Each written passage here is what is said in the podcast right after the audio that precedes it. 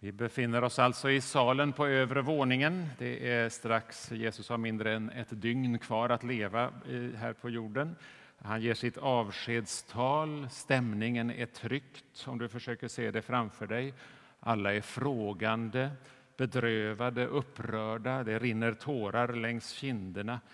Det kan inte vara sant, det han sitter här och berättar om. Men samtidigt har han ju tidigare varit glasklar i argumentationen. Det är ju vi som inte har fattat. Och våra frågor visste han om innan vi formulerade dem. Vart är hela projektet på väg? Och så börjar han tala om en liten tid och, och, så en liten tid igen. Och några av oss vågade faktiskt avbryta honom och fråga, men hallå Jesus, nu, nu fattar vi inte. Vad menar du med en liten tid? Det kunde ju lika gärna varit vår fråga 2000 år senare i Fässbergs kyrka eller framför skärmen där du sitter just nu. För Det finns en risk att vi som läser det här med den kristna påskberättelsen som facit i hand tänker att ja, ja, ja, det är klart att han menar tre dagar, där en kort liten tid och sen tre dagar igen och sen en kort tid fram till pingst. Det var inte så långt och så, så fick vi träffa honom igen sen. Och så tror vi att vi lätt fattar det som lärjungarna bara skakade på huvudet åt när de hörde. Men det Jesus säger är djupare än så. Det är ju med tiden som Augustinus, filosofen i början på 400-talet, sa vi vet ju precis hur tiden är, sa han. Eh, Och ändå kan vi inte sätta ord på det vi vet. Eller som en modern tidsfilosof av idag har formulerat det, citat, tiden är inne, när gick den ut? Tiden går ut, men den går aldrig in igen. Och ändå är den inne ibland. Hur kom den in? Eh, några av er kände igen Claes Eriksson i Galenskaparna där. Det är väl på Augustinus nivå. Där. Varför kan vissa väntans tider kännas oändligt långsamma medan andra swishar förbi? Ja, biblisk tid, eller det, när, när det som Jesus sitter och pratar om här, är sällan en sträcka, sällan en linjal eller ett Excel-ark som kan delas in i lika stora bitar. Ibland finns det ett före och ett efter. Det är före uttåget ur Egypten, det är före eller efter Jesu död och uppståndelse. Men oftare är tidsbegreppet djupare. Tiden mäts inte, den mättas. Den mättas med innehåll, med möten med Jesus. Kanske skulle vi snarare tänka den tomma tiden eller den uppfyllda tiden. Varför gick tiden så fort? Varför var väntan så långsam? Varför var tiden inte inne? Alltså svarar Jesus inte med ett västerländskt mätbart svar på lärjungarnas frågor om tiden. Inte först kommer det att hända och sen det och sen först tre dagar där och så 40 dagar där och så 50 dagar och så. Utan svaret handlar om innehållet i tiden. Om tomheten och sorgen i livet utan Jesus och kontrasten mot glädjen och kraften i hans uppståndelse.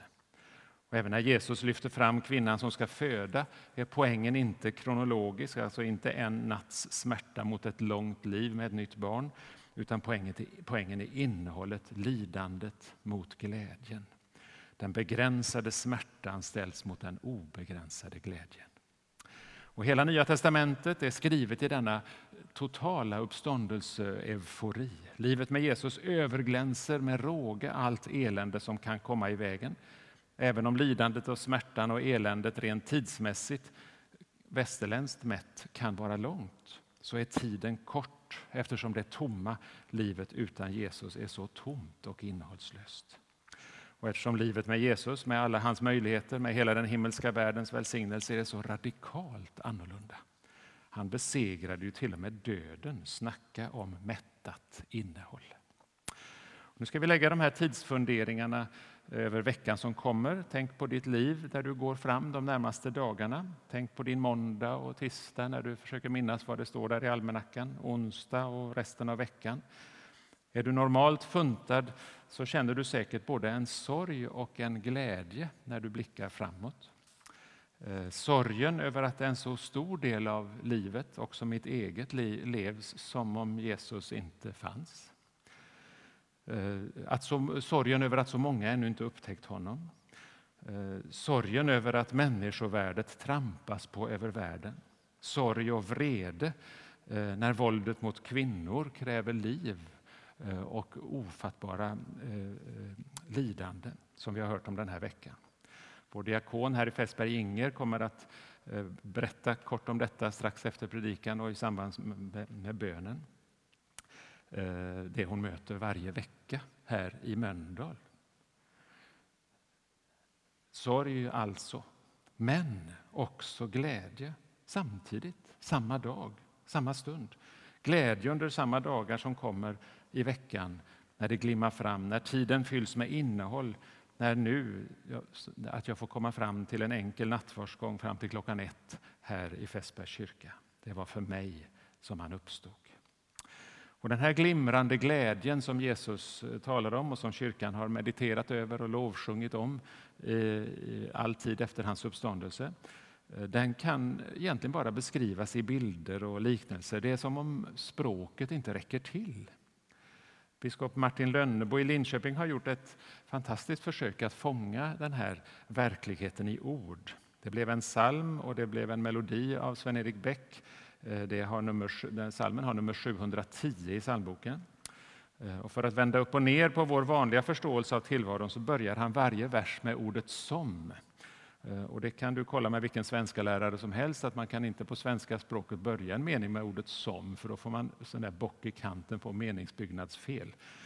Men när biskopen ska beskriva lyckan och glädjen hos Herren så vänds allting liksom upp och ner. Språket räcker inte, det, det bara sprängs åt alla håll och kanter. Lyckan och glädjen och livet med den uppståndne ryms alltså inte inom det vanliga mätbara livet. Nu bryts alla mönster och försök se det framför dig nu hur livet med Jesus som besegrade döden är som gränslösa vidder och kärlekens djup, som visdoms höjder och helighetsljus, som ljus över kaos, som liv efter död, som gudoms styrka i skapande lek och så vidare målar eh, eh, eh Lönnebo fram det. Vi ska göra så att vi ska lyssna till några verser ur salmen. Eh, kören kommer att sjunga och vi andra ska sjunga den alldeles strax om en liten stund. Lyssna inåt. Har du en psalmbok så låt den ligga framför dig. Eh, se det som du nu hör som en målning som växer fram inför dina ögon. Vilka färger ser du? Vad doftar det? Vilka människor från din omgivning skymtar du nu? När du det gamla och tryggt invanda. Tiden fylldes av smärta och vånda som när en kvinna ska föda. Men det är ur smärta som det nya livet med Jesus föds fram. Och då fylls tiden med allra djupaste innehåll. Tiden mäts inte, den mättas. Vi blir stilla en kort stund i begrundan.